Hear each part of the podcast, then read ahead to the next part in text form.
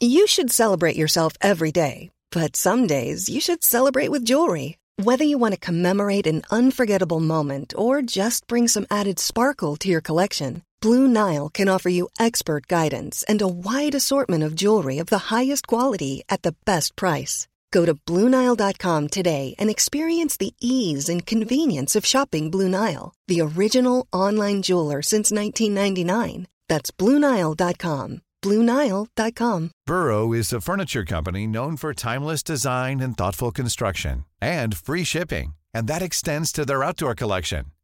Their outdoor furniture is built to withstand the elements, featuring rust-proof stainless steel hardware, weather-ready teak, and quick-dry foam cushions. For Memorial Day, get 15% off your Burrow purchase at burrow.com slash ACAST and up to 25% off outdoor. That's up to 25% off outdoor furniture at burrow.com slash ACAST.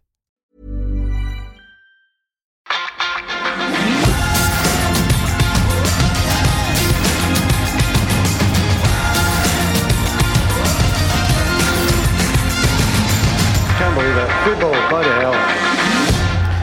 Så langt eh, unna, så forbanna langt unna. Eh, Vi sa at Manchester United trenger en skalp. De trenger desperat en skalp på bortebane i Premier League, men de er altså ikke i nærheten. Newcastle vinner fullt fortjent på St. James' Park, og det ble bare 1-0, for det kunne vært så veldig mye mer. Ikke til forkleinelse for Fredrik, du er her, men det er også du, Øyvind Eide, Endelig! Fordi vårt taktiske geni, som, eh, som jeg velger å kalle deg, er på plass. Og hva er din dom etter Manchester Uniteds eh, opptreden i, eh, i Newcastle? Den er eh, basert på to ting. Jeg skal ta et eh, oppgjør med Ten Hag. Der har eh, han og jeg litt å snakke om. Eh, og så vil jeg også ta et lite oppgjør med disse såkalte ekspertene våre, som florerer av ulike uttalelser som jeg gjerne også vil nyansere litt. Ja, for det å være ekspert, det kan jo være så mangt. Det kan jo hvem som helst være. Det er jo en ubeskytta tittel. Men hva er det du reagerer på hvis vi begynner med ekspertene, da? Ja, den er veldig ubeskytta. Ja, på godt og vondt. Nei, det, det det handler om for ekspertene sin del, er at eh, det blir veldig tabloid, og så skjønner jeg at det er en del av oppgava til, eh, til de også. Eh, men de er forferdelig unyanserte når det kommer til uttalelsene om hvordan er det United spiller. De henviser ofte til ja, du ser jo overskrifter med havari, ikke sant. Ingen skjønner hvordan de spiller, men eh, jeg gjør noen analyser her for, for supporterklubben som Um, hvor jeg peker på ganske tydelig hvordan vi ser at de ønsker å spille. Uh, intensjonen til Ten Hag er der, men så er jo gjennomføringa er jo kanskje noe som mangler. Og det bildet må nyanseres mer, da. Så det når eksperter bare slenger ut at uh, dette her skjønner jeg ingenting av Hvis du som ekspert ikke skjønner noen ting av det som foregår der, da får de finne seg en annen jobb. For det, det er fullt mulig, å, mulig å se. Men hva er det han prøver på å få til som vi ikke ser, da? Hvis du skjønner det spørsmålet? Ja, og det kommer litt an på hva du ser etter. Eh, Det enkleste nå i disse dager er jo det defensive, ikke sant? hvor vi ser at eh, United slipper til forferdelig mange sjanser, og også mål. Eh, Luke Shaw hadde vel en uttalelse etter kampen nå sist at de var veldig flinke til å forsvare 16-meteren og boksen sin, og gjorde en bra jobb der, men sliter med å forsvare som lag.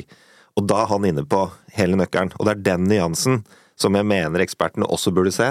At ja, United får veldig mye press på seg mot eget mål, og forsvarer veldig godt rundt 16, og det gjør de veldig bra. Eh, Men hvorfor blir det det? Og det er hele poenget. Og det handler litt om hvordan eh, Ten Hag har tatt med seg et markeringsforsvar fra Tyskland, flytta det via Nederland til England. Eh, Vi kan komme litt tilbake til etterpå, men det passer ikke helt inn. Og det skal komme noen tydelige eksempler på det etterpå. Eh, Fredrik, eh, du så jo som alltid denne kampen i opptak. eh, Og jeg føler jo med deg, for jeg har jo sett det, og Ja. veit hva du på en måte har i vente. Du sendte meg et bilde klokka ti over to om natta. Da var du sånn omtrentlig ferdig. Da var jeg på overtid. Ja, da var Ja. du på overtid. Hva føler du? Eh, nei, sånn bortsett fra resultatet, så var det like dårlig som frykta. Frykta på forhånd at vi skulle tape både 3 og 4-0, eh, og det var bare flaks at det ikke blei så ille. Eh, United blei spist levende, følte jeg. Eh, og så er det utrolig skuffende å se at Det er ikke overraskende at det kommer til St. James' Park og får det tøft. Det, det visste jeg. Det har andre topplag også fått det, så det er ingen overraskelse, det. Men det er også hvordan United ser ut, som er utrolig skuffende. Det er heller ikke kjempeoverraskende. Men hvis man ser på Newcastle, og hva Eddie Howe får til med sitt lag og sine spillere Her kan vi snakke om at United trenger mer kvalitet, men se hva Eddie Howe har gjort med sine spillere, og hvordan han har utvikla de. Det er da skuffelsen for min del blir vanvittig stor, da. For vi kan si at skadesituasjonen er at det er sånn, og han må ha den og den og de og de. Men se hva andre managere fortsatt får til. Og det har jeg kritisert og pekt på ganske lenge. At det skal være mulig å utvikle United på en bedre måte enn det Hag har fått til. Selv om situasjonen er som den er. Og det blir veldig veldig synlig når du ser hva Newcastle får til. Jeg tror Ten Hag ser på Newcastle og tenker det er jo dette jeg skulle fått til med mitt lag. Med intensitet og med altså alt av trøkk og sånne ting. Og veldig mye av disse tingene får du gratis. Løping, intensitet og vilje, det, det er gratis i fotballen. Det bestemmer spillere og managere sjøl, og selv ikke det får han av sine spillere. Og her, eh, her, er jeg veldig enig at Ten Hag skal kritiseres, og så klarer jeg ikke å gi slipp at vi må også snakke om spillerne. Og mye av det der er jo helt riktig, og så tenker jeg at eh, Ten Hag framstår som en veldig sånn sta mann. Mm. Jeg tror han er veldig sånn Han står for sine prinsipper, og det skal han stå for uansett hva som, hva som skjer. Og her er litt av feilen, da. Um, for når du snakker om det med intensitet og sånne ting, så ser vi det oftest i overgangsspill og i gjenvinningsspill. Det er på en måte de to parameterne vi ofte ser det i. Um, og han, sånn som det er nå, så, så posisjonerer han jo ikke spillerne sine på en måte som gjør at de kan lykkes med verken gjenvinning mm. eller kontring. Mm. For det som skjer i kontringsfasen nå, det er litt jeg innleda med, er jo at United må jo nå ofte forsvare seg med backleddet sitt innafor 16-meteren, og der vinner de ballen. Og det er ganske langt å kontre 90 meter fra egen 16-meter, mm. og det lykkes de veldig sjelden med. Samtidig så har de nå et type angrepsspill hvor de ikke greier å finne melodien helt, som gjør at det blir slått langt i en del tilfeller når laget ikke er posisjonert for å slå langt. Mm. Altså, spillerne vet ikke at 'oi, nå blir det slått langt'. Da er de heller ikke i posisjon til å stå for noe gjenvinning, f.eks. Så han, han har ikke klart å sette opp laget sitt for at de skal lykkes i disse situasjonene her. Så det er en del av bakgrunnen for at mm. vi ser det, og da, da, vil en Rashford vil se dårlig ut, fordi han blir ikke spilt god, rett og mm. slett. I hvilken grad føler du at Det er åpenbart at vi må se på manageren, men i hvilken grad føler du også at spillerne ikke forstår helt enkle prinsipielle ting som bør sitte? Altså, er du enig i den For det føler jeg veldig sterkt. At her er det mange ting spillerne åpenbart bør forstå selv og så hviler alltid et ansvar på manageren, men den miksen der er veldig dårlig, da. Mm, og det er, det er, riktig. Det er eh, mange ting spillere burde få skjønt sjøl. Og det ser vi bare hvordan de forsvarer seg mot veggspill, f.eks. Eh, dere har jo alle hørt begrepet ballwatching. Og det er jo mm. sånn når du skal forsvare deg mot et veggspill, så du kan ikke drive ballwatching og følge ballen. Du må jo følge den spilleren som mm. går på et veggspilløp, da, for å kalle det det. Og der ser vi, sånn som mot Newcastle, veldig ofte midtbanen til United blir spilt av på en enkel veggpasning, fordi United-spilleren i stedet for å følge motspiller, følger ball og mm. åpner det rommet bak seg. Det skjer gang på gang. Og det er klart, det er, det er vrient, for det er litt sånne ting som de spillerne på dette nivået burde kunne. Men han, Ten Hag kan også organisere laget sitt sånn at de er tettere sammen og kan forsvare veggspillet sammen. Mm. Og her kom vi inn på det markeringsforsvaret som Ten Hag har, uh, har lagd, og da er det veldig mange én-mot-én-dueller over banen, spesielt på midten. Og det er det som gjør at uh, United taper en del én-mot-én-dueller. Uh, og gjør at United ikke får de bruddene midt på banen, hvor de kan sette i gang en Rashford i en bakromsløp én mot én nå vinner de ballen mye lavere, og så må de sette Rashford med ballen i beina og må begynne å utfordre én mot én eller én mot to allerede midt på egen halvdel omtrent. Mm. Jeg leste jo analysen din etter kampen, og jeg tenker at det som også gjør at det selvfølgelig hviler på Ten Hag, er jo valget han gjør om å spille på den måten, når det da tilsynelatende han ikke har kvaliteten i spillerne til å gjøre det. Sånn at det er ikke noe proaktivitet vi ser der. De reagerer jo to og tre sekunder for seint som regel. Så når det da står mann-mann, så blir de selvfølgelig veldig skadelidende av det. Så her henger det jo sammen, er det jeg på en måte alltid sitter med et bilde og inntrykk av. Og til syvende og sist så er det manageren sitt ansvar. Ja, men jeg føler at, at han har måttet inngå kompromisser fordi at han får ikke helt fram det han ønsker i en ideell verden. Men det blir også litt hans bane. Eh, fordi at det blir verken fugl eller fisk for meg, dette her. At det blir en mellomting, og det gjør at det er enorm Altså de avstandene på midten du ser Det er jo flott de der i løpet av Scott McTominay kommer, eh, kommer fra dypet, og når han scorer og han sklir inn en scoring i København, for eksempel. Men Kobi Maino, for eksempel, er ekstremt aleine. Jeg, jeg, jeg syns det er at en 18-åring skal dekke de av... Altså, det nytter jo ikke, Øyvind. Nei, og det er jo litt av problemet, ikke sant. Fordi at han balanserer jo ikke det angrepsspillet heller. Nå er det jo blitt veldig sånn at Um, utgangsposisjonen hans for spillet da, det var at han ønska å skape et overtall mot backleddet, motstanders backled. Så hvis motstander spiller med fire, så flytter han opp fem spillere, som ligger da mellom motspillerne. da. Og altså det er utgangspunkt for kombinasjonsspill.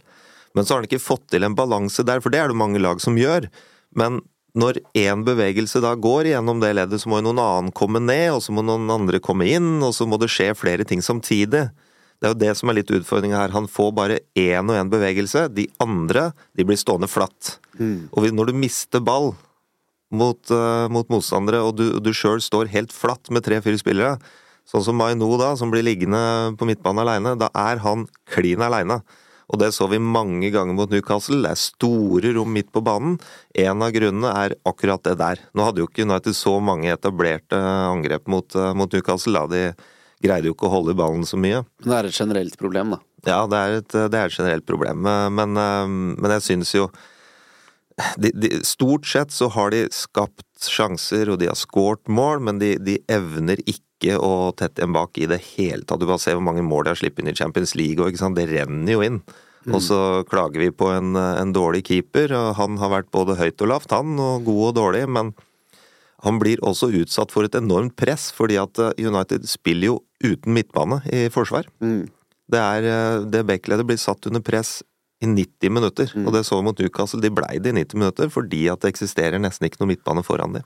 Jeg har et spørsmål knytta til det, fordi vi, vi, peker på midtbanen og hvor åpent det er. Eh, og de er jo selvfølgelig skyldige i det, de også. Men, men når du Hvis Ten Hag, da, han ønsker å presse høyt i utgangspunktet, og så starter du av med Rashford og Martial bort mot Newcastle som fusker eller gjør det på 80% Da mistenker jeg at det sprer seg en tvil i forsvarsleddet, som at de står mye lavere enn Ten Hag egentlig ønsker, fordi de er redd for bakrommet sitt, i hvert fall Maguire, som da gjør at det, det, det, åpner seg så mye da, at en midtbaneområde blir for stort å dekke uansett, og så kunne midtbanen garantert gjort grep som gjorde at det ikke så sånn ut likevel, men at det er følgefeil etter følgefeil etter følgefeil hele veien. Er det riktig, det jeg tenker og tror? Ja, helt sikkert. Helt sikkert. For Maguire han er jo best når, når forsvarsspillet foran han fungerer, sånn at det blir slått lange baller. For da kan han stå der og stange. Mm. ikke sant? Det, det, er han best på. Når det blir store rom, man blir utfordra på veggspill og på løp bak seg osv., da, da er selvfølgelig han uh, igjen uh, mye dårligere enn det han kunne vært. Så, så her handler jo noe om for Ten Hag å rigge det forsvarsspillet som gjør at spillerne dine lykkes i det spillet, da. Mm. Og, og, hvis du har Marcial Rashford framme, da, kan du kanskje ikke presse høyt heller, da? Bør han også se noe på Eller, eller mister han da alt han har å, altså, Ten Hag har å bringe til bordet? Martial er jo en utfordring for alle, mm. men, men, med Rashford så, så, greier du å presse høyt hvis du har rett mm. spiss, men spissen er så utrolig viktig, da. Mm. Og det, det, må være Høylund som, eh, som spiller den spissrolla, kan mm. ta det presset ordentlig. Eh, hvis ikke så fungerer ikke det. Mm på et eller annet tidspunkt så uh, faller jo et prosjekt. Altså Det vil det gjøre, uavhengig om Erik Den Haag er der i to uker til eller i 20 år. Altså På et eller annet tidspunkt så får du sparken som Manchester United-manager. Uh, men jeg, jeg, opplever altså omgivelsene etter den kampen i Newcastle nå, at det har kanskje vært en lite taktskifte. At pendelen snur litt i den der unisone støtten av Erik Den Hage. Jeg husker da vi hadde livepodkast på Eldorado for eh, noen uker siden så var det vel 100 nesten eh, bak eh, Ten Hag. Eh, håndsopprekning ja, på Vi kjørte håndsopprekning rett og ja, i Manchester mm. før Luton-kampen også. Den er unison. Mm. alle backer dette Ten Hag-prosjektet. Men på et eller annet tidspunkt så snur det. og jeg må ærlig innrømme at det som kanskje fikk meg til å snu mest, er at jeg ser hele postmatch-biten etterpå. Fordi det å være manager for Manchester United handler også litt om å være selger. Altså uh, måten og hva du utstråler i hva du sier. Og der er Erik Den Haag usedvanlig svak. Han er altså så dårlig i disse intervjuene, som er en undervurdert bit av det å være manager i dette sirkuset her. Det er der eh, Mourinho er i en helt egen klasse i det å endre fokus, eksempel. Van Gaal var jo gæren, men han, han skapte i hvert fall et eller annet. Men Erik Den Haag han sier egentlig ingen verdens ting, og han sier det totalt blotta for karisma. Og det plager meg. Fordi nå syns jeg under den sixpensen at du ser en stadig blekere mann. Du så det på Ole Gunnar Solskjær på tampen. Han ser sliten ut. Litt sånn rådvill. José Mourinho så du det tydelig da, du, da, da han hadde gitt opp. Og jeg føler at Erik Den Haag går stadig nærmere den streken. Hva tenker du om det, Haugen? Ja, det er vanskelig å sette seg inn i de mekanismene i så store klubber, da. Ikke sant? Eh, man kan kjenne på noe her i norske klubber, hvordan det presset er, men eh, der borte er det selvfølgelig det presset, presset enormt. Eh, men jeg tror, jeg tror nok Det som er vanskelig for trenere, er jo å se at dine ideer ikke går igjennom. Og når man da i tillegg prøver å justere litt, og det heller ikke fungerer helt, så vil du jo også etter hvert miste troen på deg sjøl. Og det er det som gjør at du holder deg våken om natta, ikke sant. At du, du mister jo den selvtilliten. Du, du, rabler veldig mye med hva er det du egentlig skal gjøre nå. Eh, så jeg kan fint skjønne at eh, han, eh, han er sliten nå. Og helt sikkert prøvd veldig mange ulike løsninger for å få til dette her.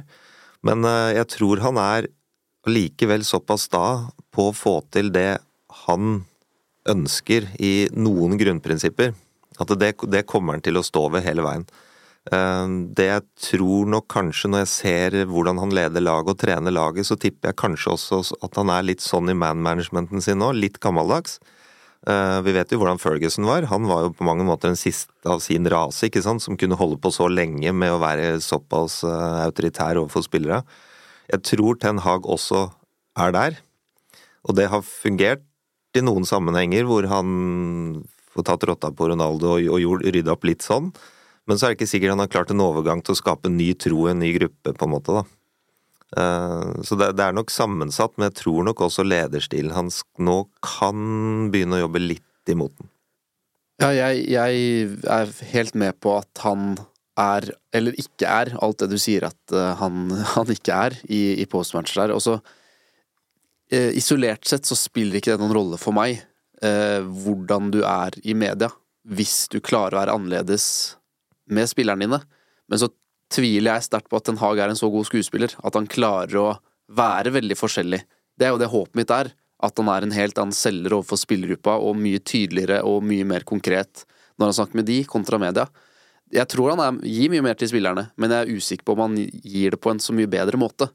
Eh, så jeg frykter også hvordan innsalget er, og nå nevnte den artikkelen eh, vår eh, i forrige pod, men da, da snakkes også om hvor mye sterkere han er taktisk enn relasjonelt. Og til slutt har det ikke så mye å si hvor sterk taktisk du er, da. Hvis du ikke er god med mennesker, så vil ikke de heller lytte til budskapet til slutt. Så jeg, jeg deler jo frykten, men så håper jeg fortsatt, for jeg vil at dette skal fungere, det har jeg veldig lyst til, men det skjer jo noe med meg etter en opplevelse som den mot Newcastle også. Eh, selv om jeg ikke Det er ikke sånn at jeg skal manageren sparke etter én kamp, men her ser man en trend som er skummel.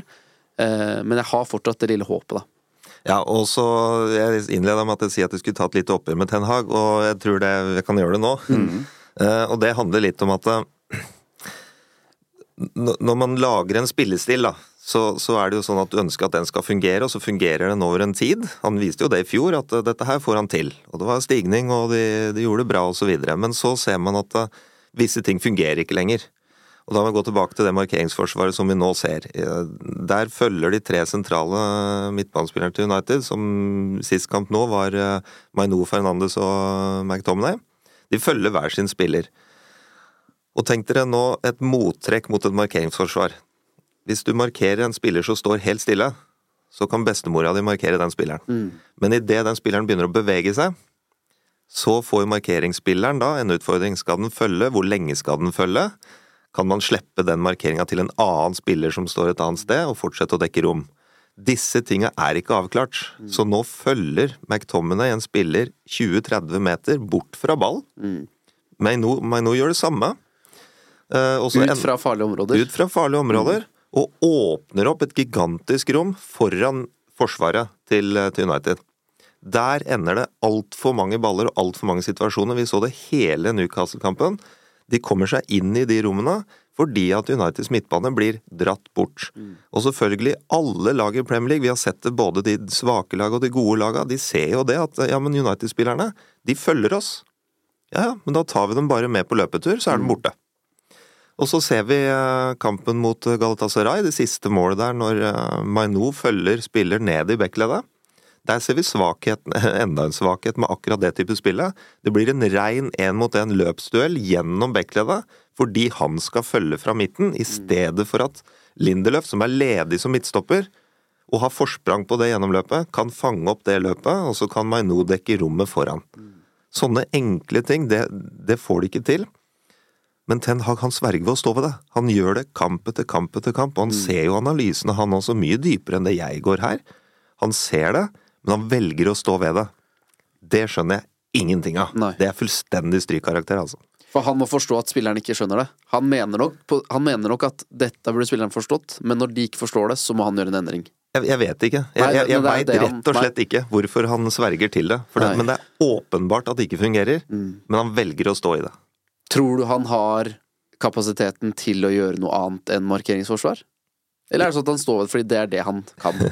Eh, Det, det er der jeg frykter litt at den er veldig, veldig sta. Mm. Og, og markeringsforsvar er ikke noe Altså, det mm, Mange lag lykkes med det. Det har jo fungert av og på i, i 100 år nå, så det, det fungerer jo. Eh, Men, men det å spille så tydelig 100 markeringsforsvar eh, på så store deler av banen som det United gjør nå, det begriper jeg ikke. Men hadde det han eh, prøver på funka hvis han hadde hatt elleve andre mann? Skjønner du hva jeg spør om? Er det, er det det han gjør som ikke passer der han er, altså i Premier League, eh, eller er det materialet hans som er feil? Spillematerialet? Ja, begge deler. Eh, Casemiro i den rolla der, han som Maino spilte nå, han ville også tapt en løpsduell mot Galatasaray. Mm. Som blei på siste skåringa der. Men eh, det kan godt hende han hadde lest spillet tidligere og vært der og brutt pasningen i stedet. ikke sant? Så det kan være forskjellen på Maino og en Casemiro. ikke sant? En Casemiro i form, da. Han har ikke vært i form i år. Men, eh, så det er nok en, eh, en dimensjon. Men grunnprinsippene hans her mener jeg blir nå Han er så polarisert, om vi skal kalle det det. Han er så langt over på um, markeringssida i forsvarsspillet at uh, de, de, forstår nærmest ikke når de skal slippe å gå i press, eksempel. Hvor lenge skal de holde en spiller hvis du får en ballfører mot deg, så står du egentlig og markerer en. Hva skal du gjøre da? Og de havner for mange sånne, det er for mange sånne situasjoner som ikke er avklart. Og der tror jeg, Martin, at det, de beste spillerne i verden, en Tony Cross eksempel, han ville lest det og skjønt når han skulle gått ut. Men Maino gjør ikke det. Nei. Så når han får beskjed du skal markere her, ja, men da gjør han det. Han er 18 år. Han følger den ordren. Men hvis han hadde spilt sone, du forholder deg til sidemann og ball, det hadde vært mye enklere for han, og mye enklere for laget sånn som det er nå. Det er jeg helt overbevist om. Hvor mye av dette tror du potensielt løser seg når Tenags aller beste er tilgjengelige? Det, er, eh, det ser bedre ut når eh, for eksempel en Mace Mount i form, Eriksen i form, Casemiro i form fordrer at, eh, Martinez. Ikke sant? Fordrer at alle er i form. Men en Martinez, for eksempel, han er og det- var litt av det som var i fjor. Du hadde Casemiro som visste når han skulle følge, og når han skulle slippe. Og når han slapp det løpet, så slapp han det løpet til Martinez. Ikke sant? Så da har vi et samspill gående. Men når du har en Lindløf som ikke helt uh, veit hvor han skal posisjonere seg, og så har du en Maino som skal drive og følge, ikke sant? Det, det, blir litt sånn eh, krasj i relasjonene her. Så svaret på det er ja, det vil være bedre. Men vi ser nå at eh, Ten Hag må tilpasse de som er utpå der. Og det gjør han ikke. Nei. Det er en åpenbar svakhet. Mm. Men det som ikke er en svakhet, Fredrik, er at du sitter ved tangentene. Jeg vil ha en jingle. Would you assess Liverpool as a potential title winner this season? Couldn't care less. Jeg trodde jo jeg trodde jeg skulle svare det er fjellgreia nå. At, ja. Ja. Så, Nei, ja, men Ja, ja. eh, jingle er jingle. Eh, det som er, da, og vi har vært inne på det, at desember den er krevende for Manchester United. Og nå har den begynt ekstremt vanskelig. Eh, men det er ikke noe tid til å hvile her, fordi det er Chelsea på onsdag. Så er det Bournemouth hjemme på Old Trafford. Den skal være greit, men eh, det veit vi av erfaring nå at eh, sånn funker ikke. Så er det Bayern München. Så er det Liverpool borte 17. desember.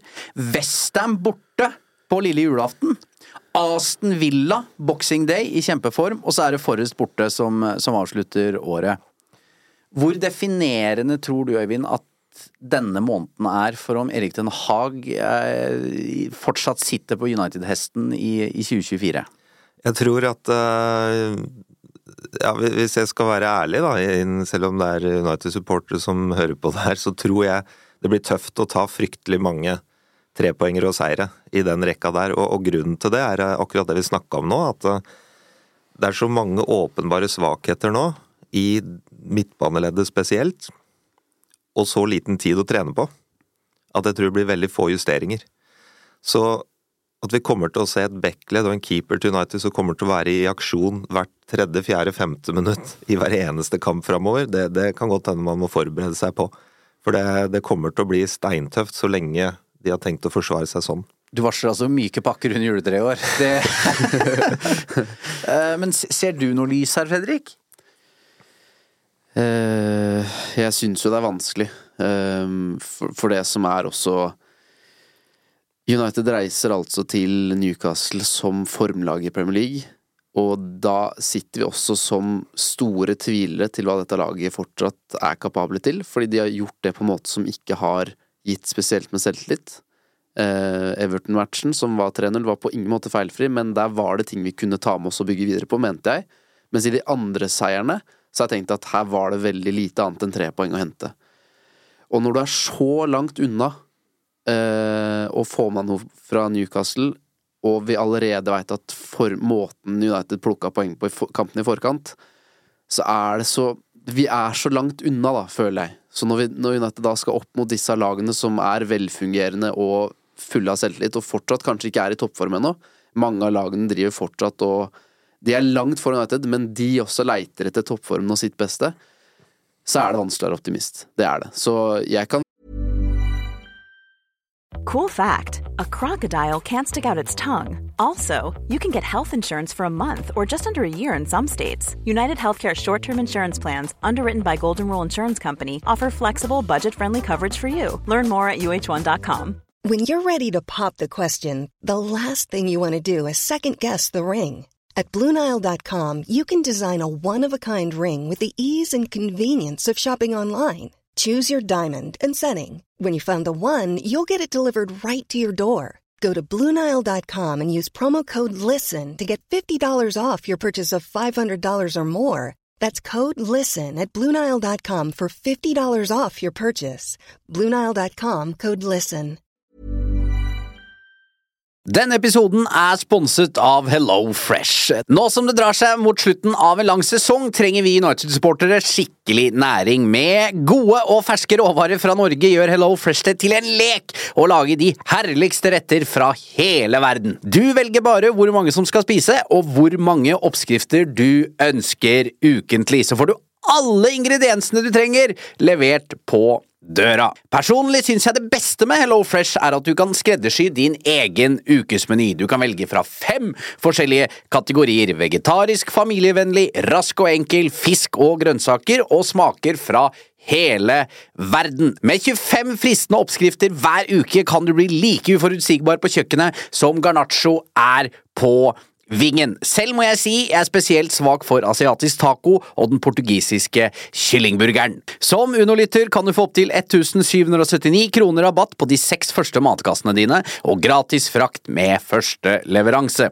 Så det er bare å komme seg inn på hellofresh.no og bruke koden FreshUnited. Dette gjelder for de som ikke har prøvd Hello Fresh ennå, og for de som tidligere har vært kunde, men som har stoppet abonnementet for minst tolv måneder siden. Fint se for meg at Ten Hag er ferdig innen ganske kort tid, på grunn av han tåler ikke noe flere stygge smeller. Eh, og så vet jeg ikke om eh, Inios-greiene vil ha noe å si her. Gidder de å gå for en midlertidig løsning før de er helt inne og kan hente sin egen? Og gjør det at en Hag sitter kunstig lenge? Jeg vet ikke. Men eh, det, det, jeg syns er vanskelig å være optimist når det er så lite som fungerer i Manchester. Du er jo fotballtrener, eh, og vi, det er jo uten sammenligning for øvrig, da, når vi, dette monsteret som er Manchester United. Men mange er jo opptatt av, og jeg er inkludert, på at det er en organisasjon som funker dårlig. Men hvor forstyrrende tror du det er, alt annet han må, har måttet håndtere, med alt fra Ronaldo til uh, Mason Greenwood, uh, Antony-saken, og dette spørsmålet da ved eierskapet. Er det Overvurderer vi hvor kronglete det er for han, eller Ja, hva tenker du? Nei, det tror jeg er helt reelt. Det er eh, spesielt med eierskapet, når, eh, når det blir såpass mye tvil om hva som egentlig foregår. Jeg, jeg er ikke oppdatert sjøl på hva som, hva som, foregår. Jeg syns det drøyer over veldig lang tid. Uh, og når vi vet intensjonene til amerikanerne, dette her med forflytting av gjeld og liksom personlige gevinster og sånne ting, ikke sant, så, så vil jo det, det prege, prege spillergruppa også, når de ser blant annet at det gjøres jo ingen investeringer på treningsanlegget. Mens andre store klubber gjør det og, og får moderne anlegg, så, så, står United der uten noen investeringer på det. Uh, og det er sånne ting som sliter på spillere og blir snakkis videre, ikke sant. Og ikke minst så vil det gjøre noe med tiltrekningskrafta til nye spillere. Uh, Ronaldo, det, det, er sånne ting som uh, ligger som et råttent eple i en kurv, ikke sant. Og så lenge den er der, så vil det også prege, prege spillerne. Der tror jeg Ten Hag kom styrka ut, da. Og klarte å håndtere det ganske bra. Men det er andre små råtne epler i den kurven også. Og det er ikke bare å bli kvitt spillere sånn uten videre, du må jo inn med noen erstattere også.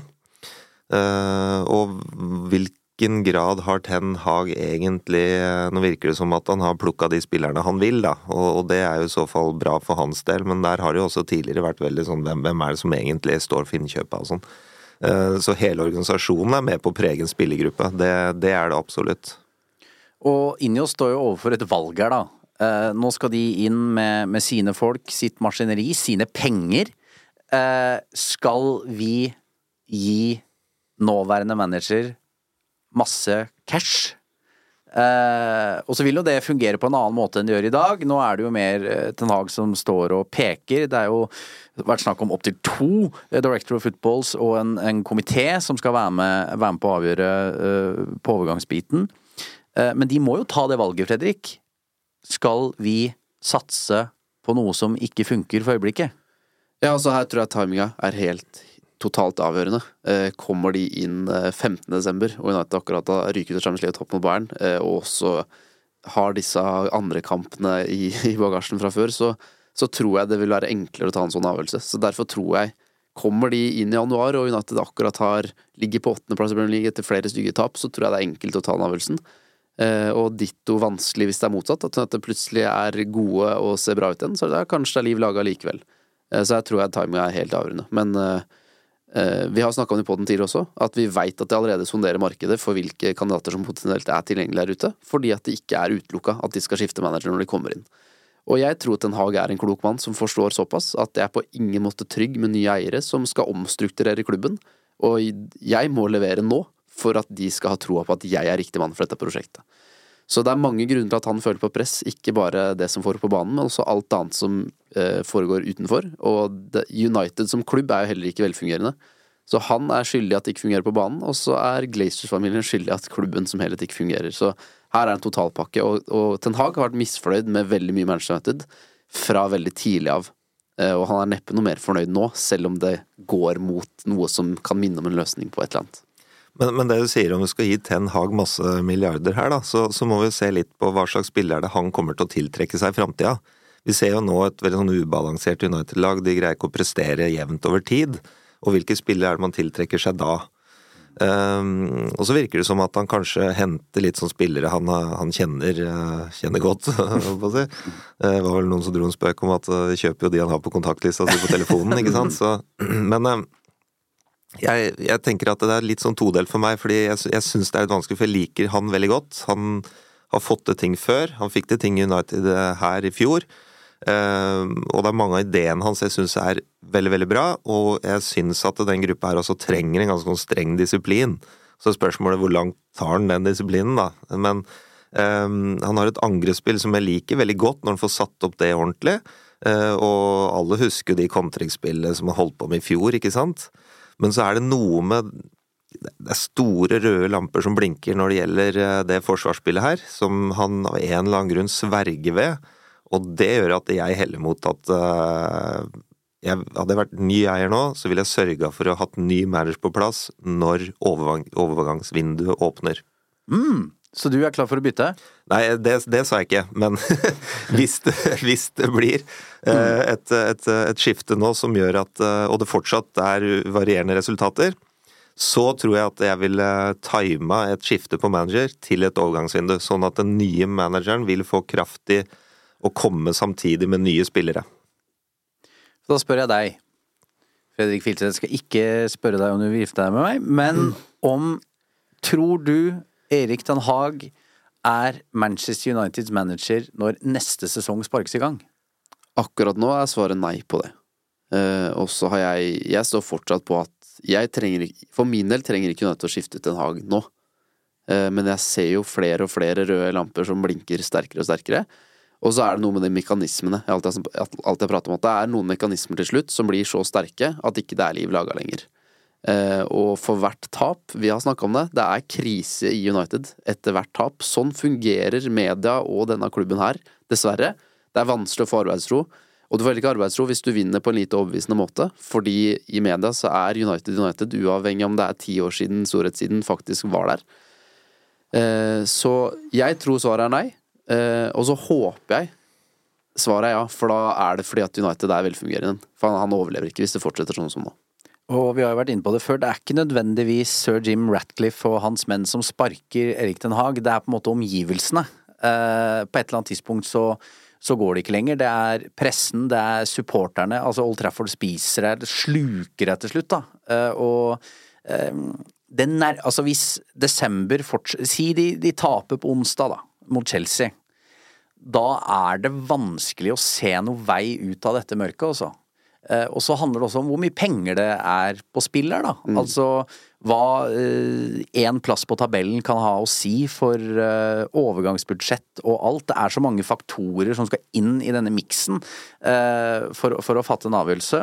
Og eh, jeg skjønner veldig godt hva du tenker om at når de skal inn med sine folk, eh, nye koster, nytt overgangsbudsjett, så skal de penga forvaltes riktig.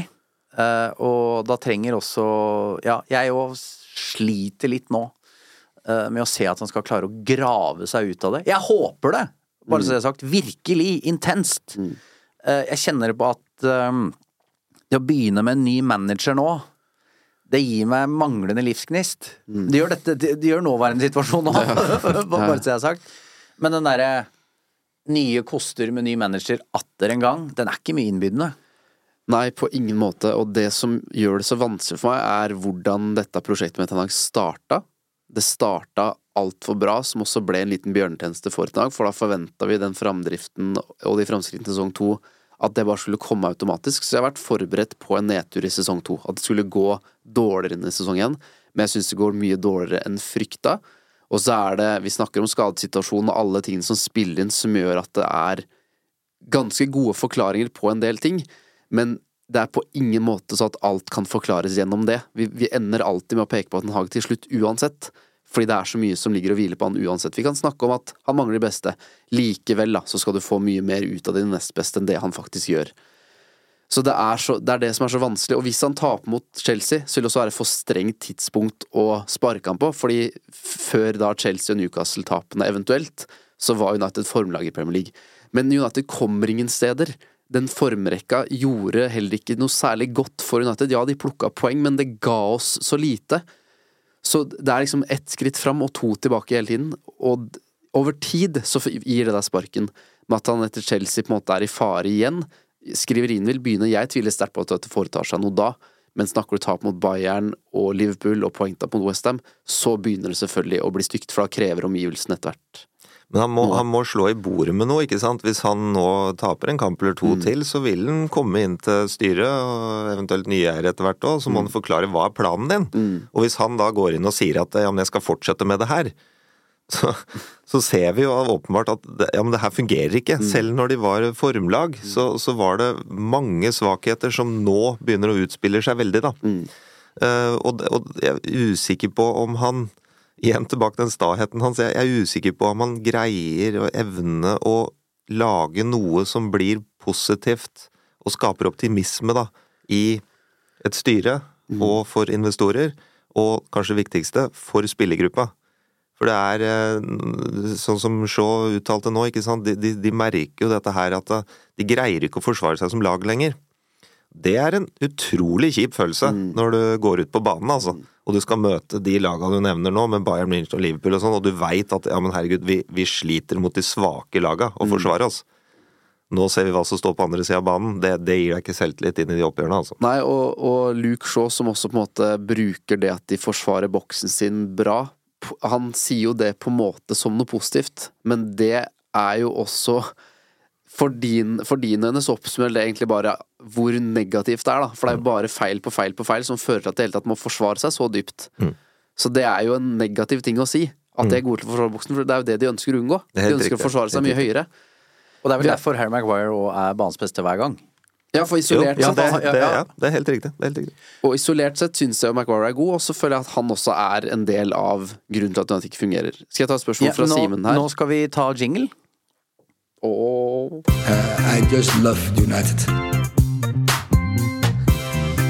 Der takla du presset godt, Fredrik. Ganske... Nå kan vi ta noen spørsmål til Øyvind, tenkte jeg. Ja, for jeg har et fra Simen her. Eh, Ten Hag på taktiske vurderinger underveis i match, sammenligna med de beste, Øyvind. Hva syns du? Ja, og det var todelt. I fjor syns jeg det var eh, bra. Jeg syns han eh, gjorde en del endringer, eh, blant annet når de leda med ett mål, så gjorde han grep for å sette inn en ny midtstopper. Han satte midtstoppere på backplass som var gode i lufta når han så at motstander sto langt. Han gjorde en del sånne ting. Nå så har han jo ikke de samme verktøyene, for det er flere skader osv. Så. Eh, så det må vi også tenke på. Men, eh, men jeg, så er det sikkert mye ikke veit, ikke sant. Men eh, en Høylund som aldri spiller 90 minutter, kan godt hende han ikke er klar for det. Jeg kjenner ikke situasjonen hans godt nok, men han har jo vært tilgjengelig en god stund nå. Og blir jo alltid bytta ut etter 60 minutter hver eneste kamp. Og så er han veldig sånn skjemamann. Hvis han har fått beskjed om at ja, men han skal bare spille 60 fra noen fysioterapeut, eksempel, så blir det det. Men, men det må vurderes også litt sånn en kamp av gangen her, og sørge for at man drar i land de poenga du nå spiller om. Eh, Det er, de er det eneste du kan få i banken. Du kan ikke tenke på at det kommer tre poeng neste gang. Så han må gjøre noen sånne litt mer freestyle-avgjørelser på sånne ting.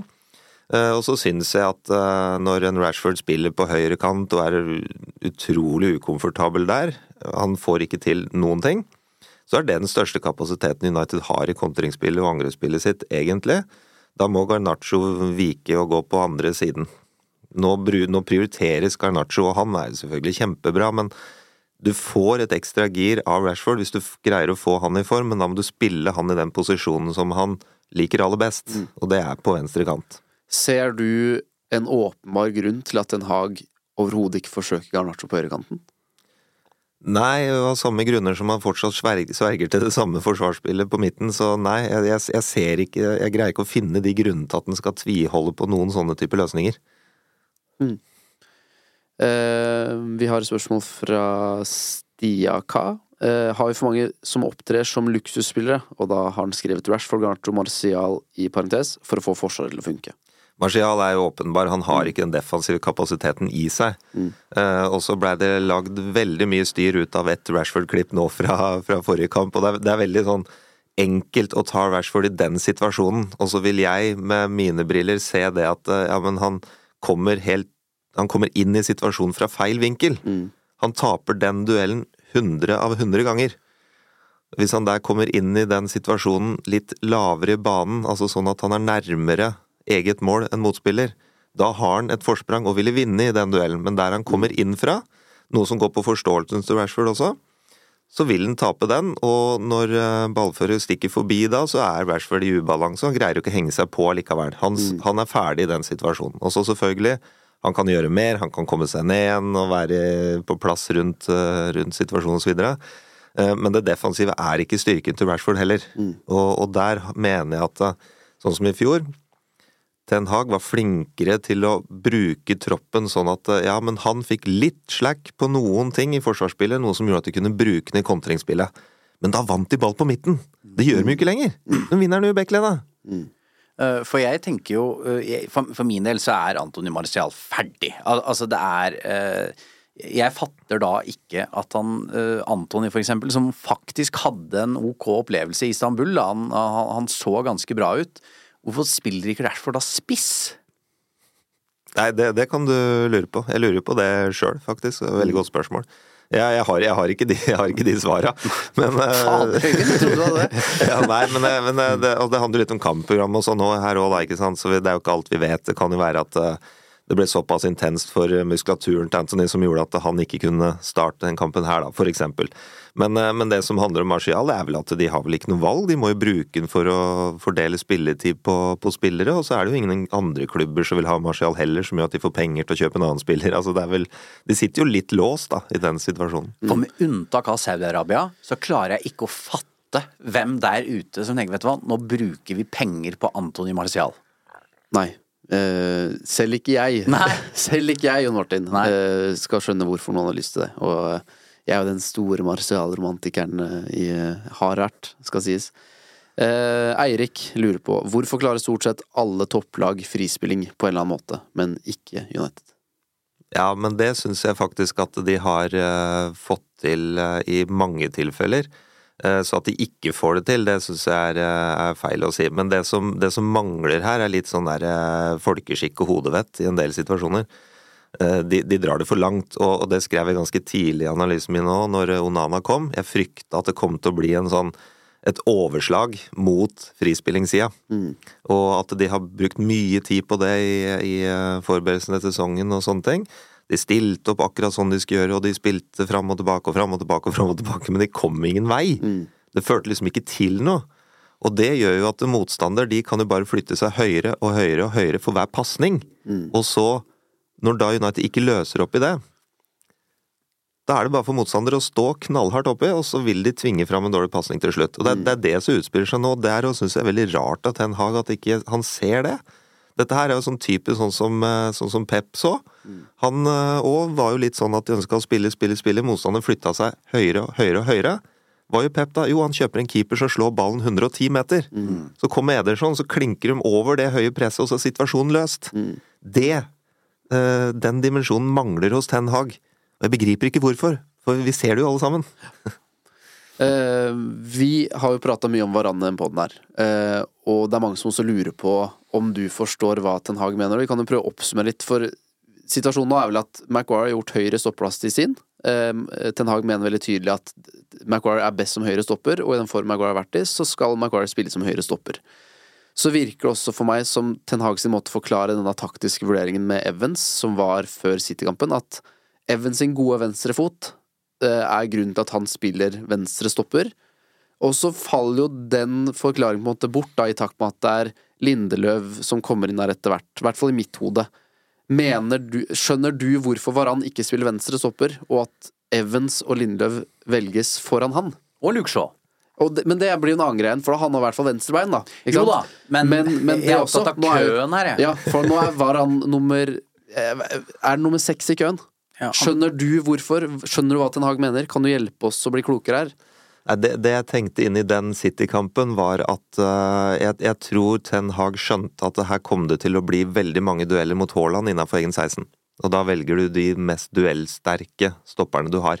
Og Evans er sterkere enn Varan i dueller. Det, det mener jeg. Mm. At eh, både han og Maguire er det, det, det vi kan kategorisere midtstoppere som at noen er jo flinke eller best til å forsvare målet langt unna eget mål, dvs. Si når det blir løpsdueller, stå riktig når det er høyt press og sånne ting. Der har du Varan. Der har du Varan, der har du Lindeløf. Mm.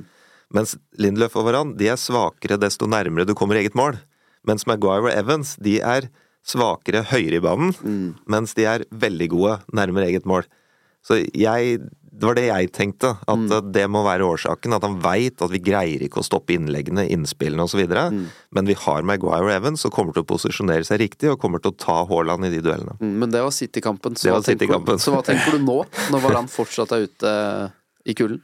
Ja, nå så jeg at det var spekulert i noe andre Og ting. det, og det er det. Ja. Så vi, men hvis vi legger det til side, Ja. vil du se noen rent taktiske årsaker til at Varan ikke er inne? Nei, nå tenker jeg at Varan Varane og Maguire egentlig burde spille sammen. Mm. Ja, det, det tenker jeg inntil Martinez er, er tilbake. Fra Holte Sander. Eh, tanker om å forsøke ulike formasjonsendringer. 4-2-3-1 er åpenbart ikke fasit. Hvor mye løser seg med formasjonsendring her, Øyvind? Det løser seg ikke så lenge han skal spille markeringsforsvar på midten. Det er der problemet ligger. Mm. Men er det, det, er, er, det er vel ikke bare å møte opp på Carrington i dag og si nå skal vi ikke gjøre dette lenger? Da må du jo ha noe annet Ja. å komme med. Ja, da, Men, men hvor vanskelig er, som fotballtrener er det for en spillergruppe å på en måte Nå bytter vi. Mm, Det kommer, an på, ja, det kommer an på hva du gjør, men hvis du går fra et markeringsforsvar til et sonespill, det er ikke veldig vanskelig. Det, altså Forsvarsspill er enklere å øve inn enn et angrepsspill. Mm. Og det å få til resultater på kort tid er ikke vrient. Og disse spillerne her er jo profesjonelle, de har spilt mest sannsynlig sonespill hele livet sitt. Så det å få til det, eller en løsning hvor man markerer visse tilfeller og sone i andre tilfeller, burde ikke være spesielt utfordrende å få til. Vi har et siste spørsmål her fra fra Kristoffer. Hvordan bør United sette opp laget til Chelsea-kampen? Har du noen gode tanker der? Det kommer jo veldig an på skadesituasjonen, da. Nå, nå, jeg har ikke så god oversikt over eh, den midtbanegjengen, f.eks., når de er tilbake. Men det er jo åpenbart at der må de jo inn med spillere. Mount er i trening. Mount er i trening og kan være tilgjengelig. Ellers så er det vel bare McTominay, Bruno, Maino som er tilgjengelige. Amrabat. Amrabat, selvfølgelig. Ja. Vår venn. Ja, og, og Amrabat skal ikke spille. Eh, så det, det, det blir eh, McTominay, Mount og, og Fernandes i så fall. Mm. Men, jeg, men jeg, jeg ville spilt med en flatere midtbanetreer der, sånn at de kan støtte hverandre. Nå blir det veldig sånn at Maino blir liggende aleine fordi en sentral midtbanespiller har flytta seg opp. Eh, Jeg, jeg tror han må flate ut den treeren der litt, og at de spiller mer soneorienterte og kan jobbe sammen på midten der, så de skaper et mye mer sånn samhold foran den, eh, den midtstopper, midtstopperne der. For det, det kommer til å bli kjempeutfordrende hvis, eh, hvis United nok en gang skal strekke hele midtbaneleddet sitt i den kampen. Hvordan tenker du at uh, dette United-laget kler å møte Chelsea akkurat nå? Hvilke svakheter er det Chelsea kan utnytte og hvilke styrker er det United kan få bruk for mot Chelsea? Ja, svakheten i United, det tror jeg vi har snakka nok om. om, ja. Jeg tror, jeg tror Chelsea kommer til å ha mye fokus på å dra bort spillerne til United og komme seg inn i rommet foran stopperne. Og når de da får dratt ut midtstopperne, som da skal eh, opp og støte i mellomrom, for der er det ingen, eh, så blir det rom bak. Og da blir det de stikkerne igjennom, og så blir det mange situasjoner eh, igjen da innafor 16-meteren til United. United kommer nok til å belage seg på kontringsspill, tror jeg. Eh, og da må Rashford spille på, på venstre. Han, han må for guds skyld flytte, flytte dit nå. Med en sterkere midtbanetreer på midten, så kommer de til å få flere brudd der. Da blir veien kortere også, for å få tre gjennom Rashford rett inn i løpsduell i bakrom. Da Ole Gunnar Solskjær fikk sparken, så kom Ralf Ragnhild inn, og da jobba de med to navn som eh, permanent eh, Manchester United-manager. Det var Erik Den Haag, og det var Maurizio Pochettino. Nå, nå møtes de, begge sliter, det lugger for begge to. Eh, kunne Jeg sitter tok, Valgte de feil, Fredrik? Nei. Nei, Nå, svarte, nå svarte jeg, men Ja, men eh, nei, de valgte Nei. ikke feil. nei, Potterkino mener jeg er eh, veldig flink, men også oppskrytt. Han har fått tilgang til en del toppjobber nå som, eh, som viser seg at han kanskje ikke greier å håndtere. Og så er det mye bra med det han, eh, han gjør, og han har stått litt i stormen og blir erfaren og sånne ting, men jeg ser ikke at han har noen sånne veldig tydelige styrker som gjør at dette hadde lykkes i United.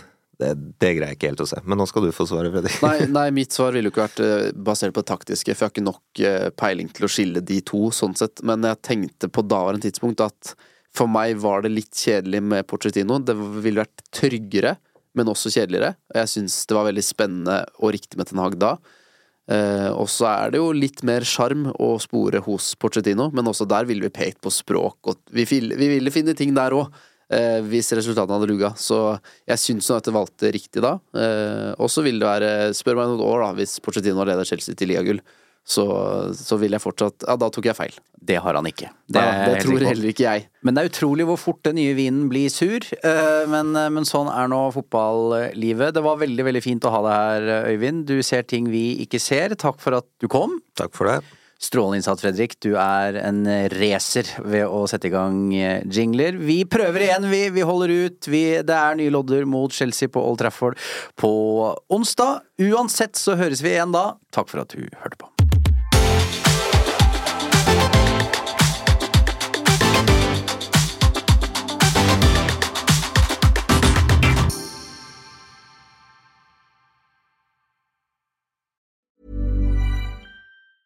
Hey, it's Danny Pellegrino from Everything Iconic. Ready to upgrade your style game without blowing your budget?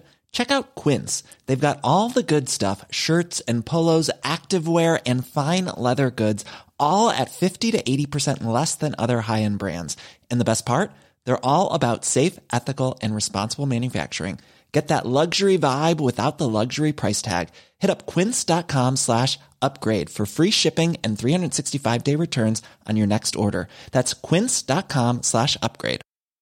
Mom deserves the best, and there's no better place to shop for Mother's Day than Whole Foods Market. They're your destination for unbeatable savings, from premium gifts to show-stopping flowers and irresistible desserts. Start by saving 33% with Prime on all body care and candles. Then get a 15-stem bunch of tulips for just $9.99 each with Prime. Round out Mom's menu with festive rosé, irresistible berry chantilly cake, and more special treats. Come celebrate Mother's Day at Whole Foods Market.